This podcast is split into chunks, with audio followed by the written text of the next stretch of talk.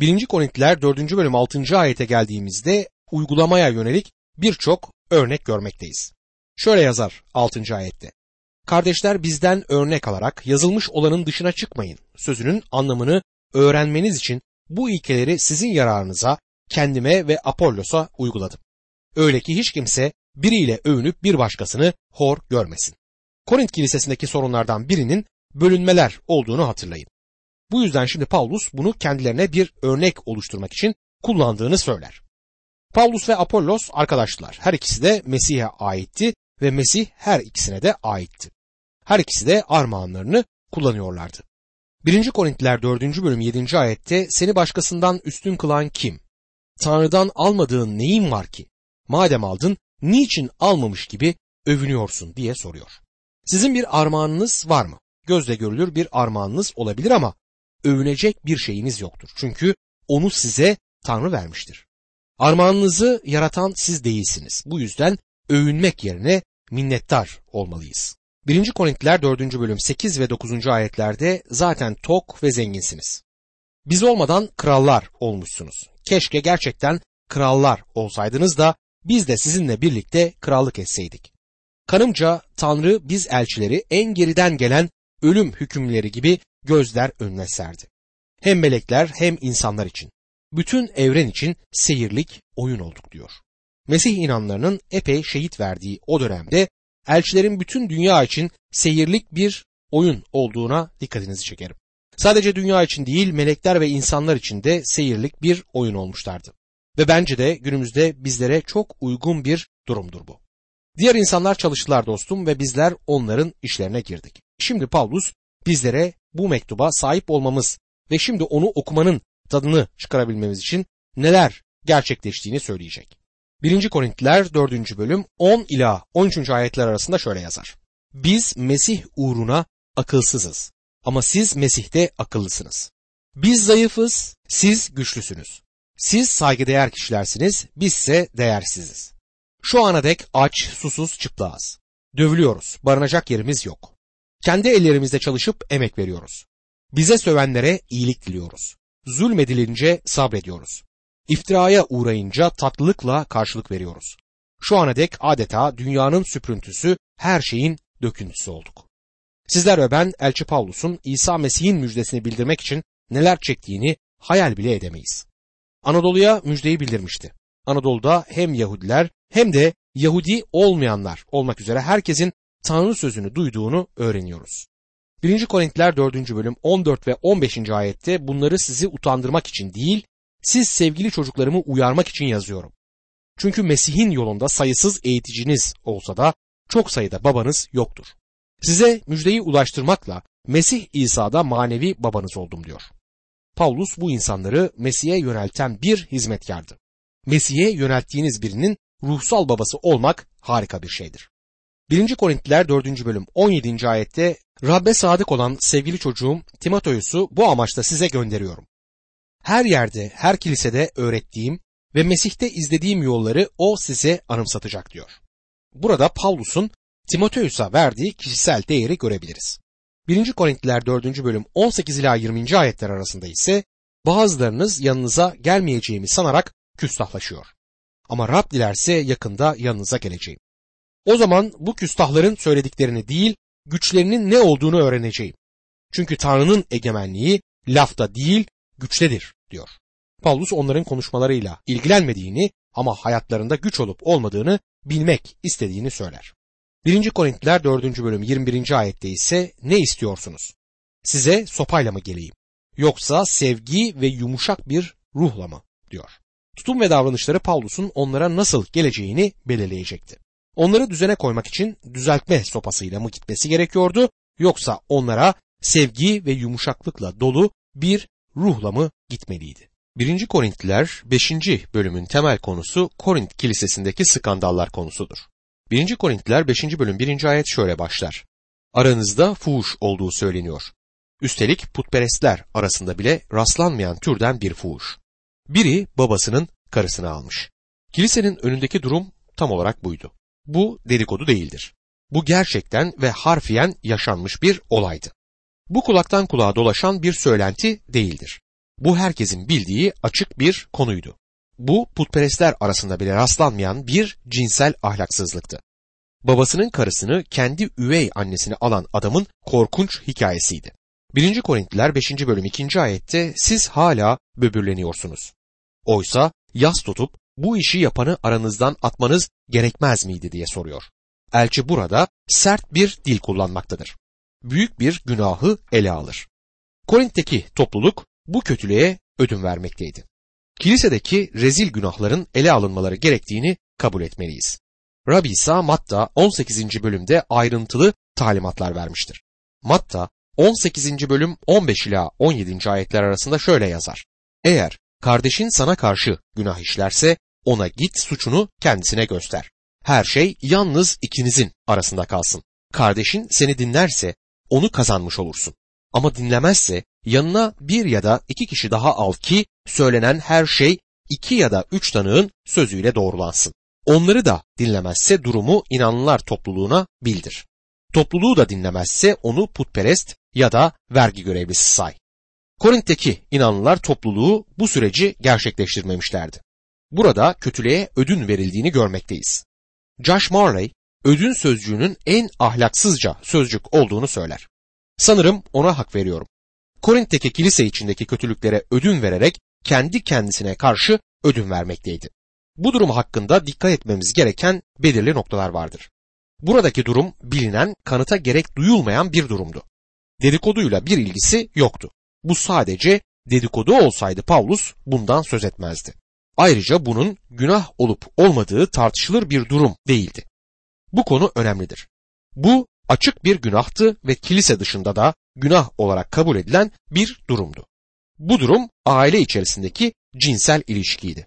Açığa çıkarılıp kilise önüne getirilmemesi gereken günah olup olmadığı tartışılır durumlarla bir tezat oluşturuyordu. Ne demek istediğim hakkında bir örnek vereyim. Vaiz olarak hizmet ettiğim bir kilisede bir kadın Mesih'e iman etti. İman ettikten 3 ay kadar sonra bana telefon etti ve rahatsızdı. Çok büyük bir hayal kırıklığına uğradım ve cesaretim çok kırıldı dedi. Sürekli sigara içerdim ve sigara içmeyi bırakmak istiyordum.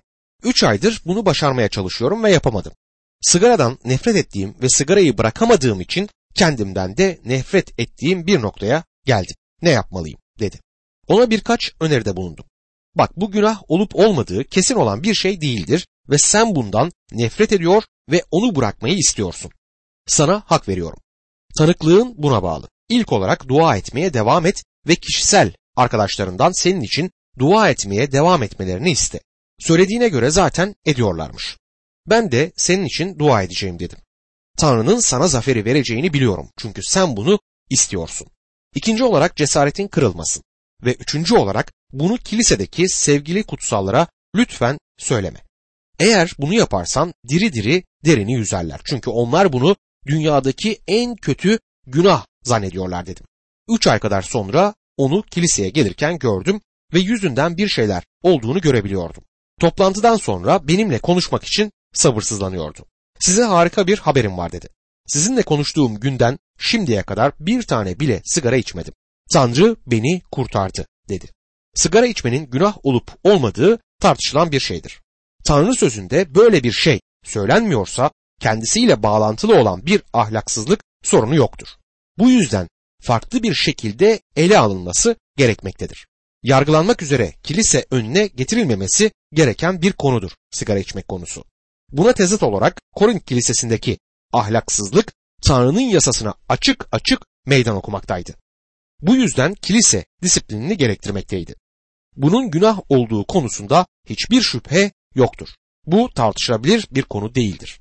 Öylesine kötü bir günahtı ki kilise dışındaki putperestler bile böyle şeyler yapmıyorlardı. İçinde yaşadığımız nesle bir şey söylemek isterim.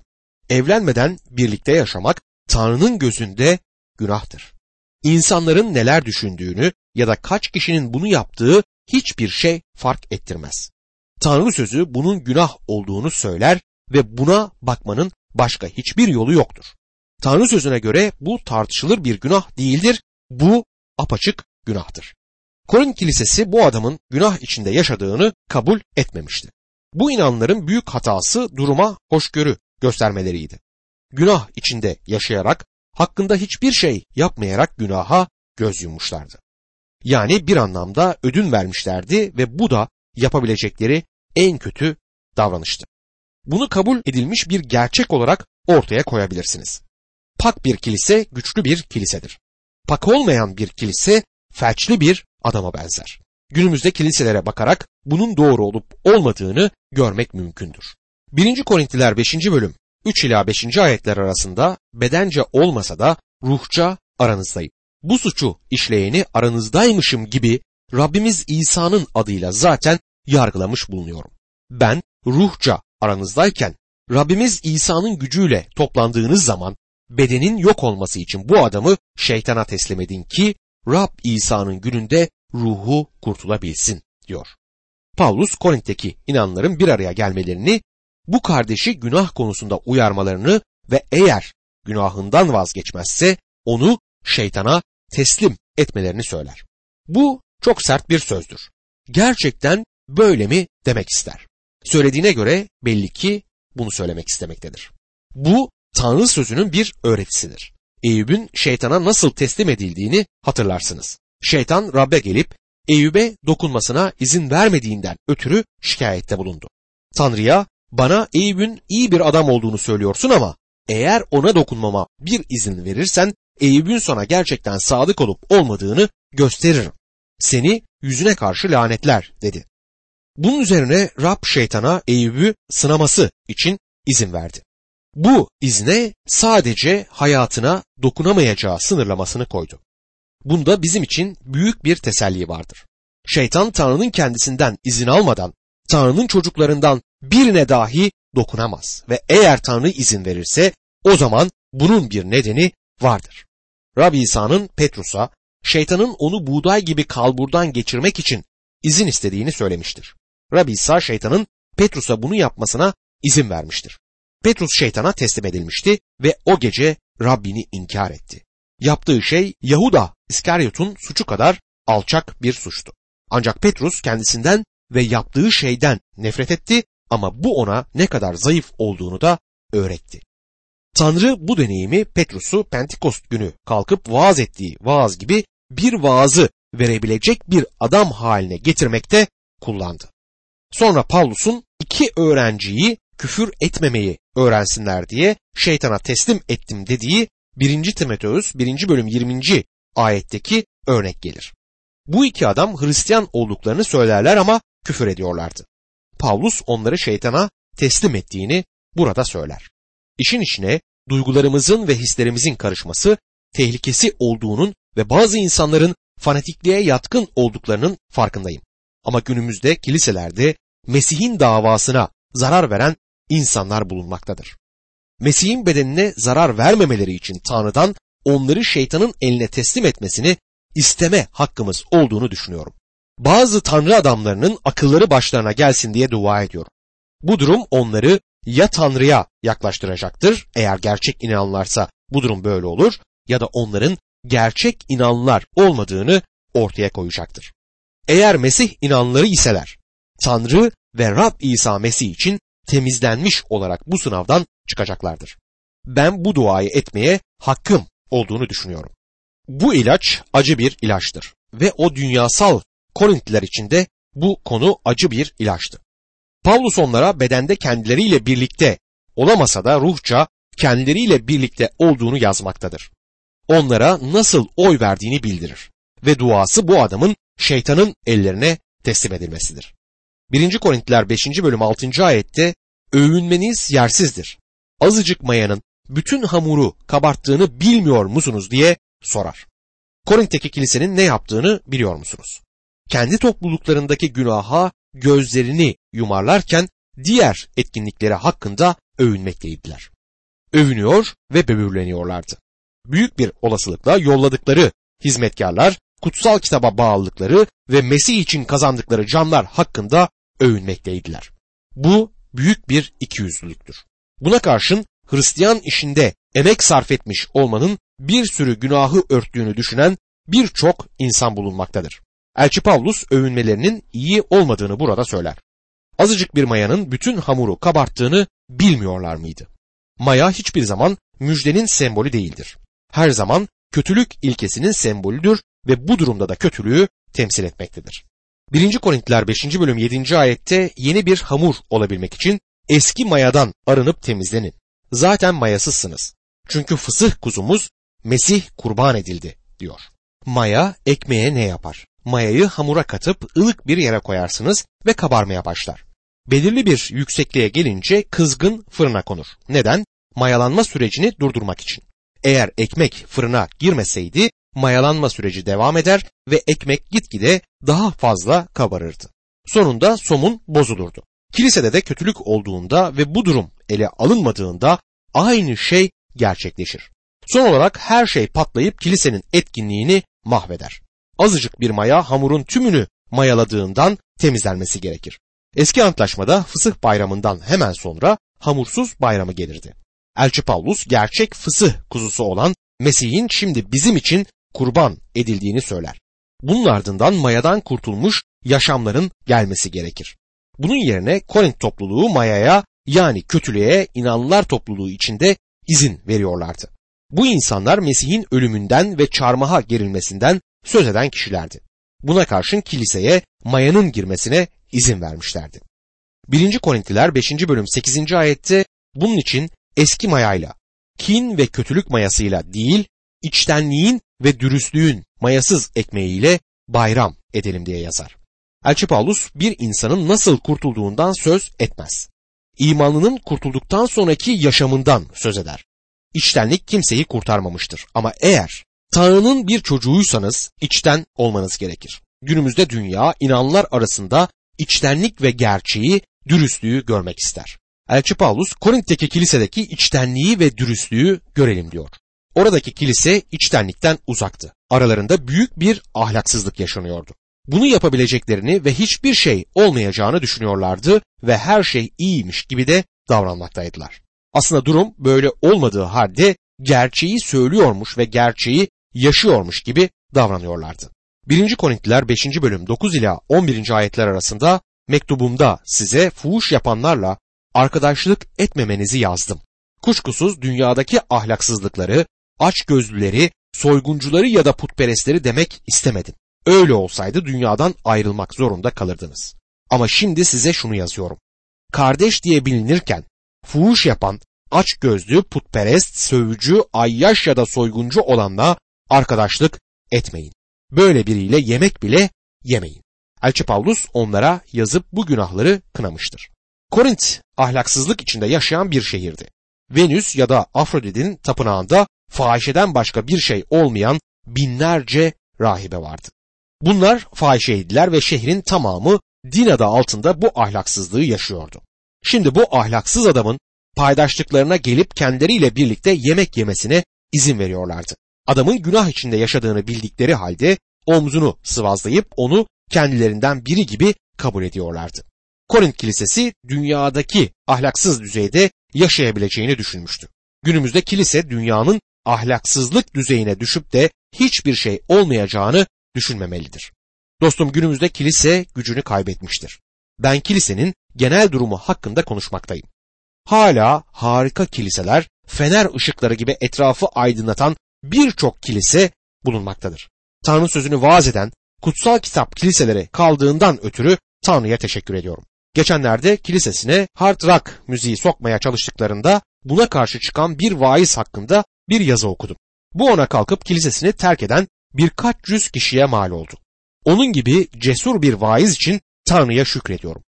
Günümüzde çoğu kişi ödün vermekte, gözlerini kapatıp dünyanın içeri girmesine izin vermektedir. Kilise gücünü kaybetmiştir. Pak ve temiz olmayan kilise felçli kilisedir ve pak olan, günaha ödün vermeyen kilise ise güçlü kilisedir. Aynı kural bireyler için de geçerlidir. Paulus şimdi bunun sadece cinsel ahlaksızlık için geçerli olmadığını belirtir. Bunun hırs ve tamahkarlık için de geçerli olduğunu söyler. Ya kilisedeki parayı çok seven adamın durumu ne olacaktır? Ya da kilisede elinde çok para olan o adam. Paulus buna ayrıca putperestliği başka dinlere merak saranları da ekler. Kilisenin önemli ihtiyarlarından birinin kiliseden ayrılıp bir tarikata katıldığını duydum.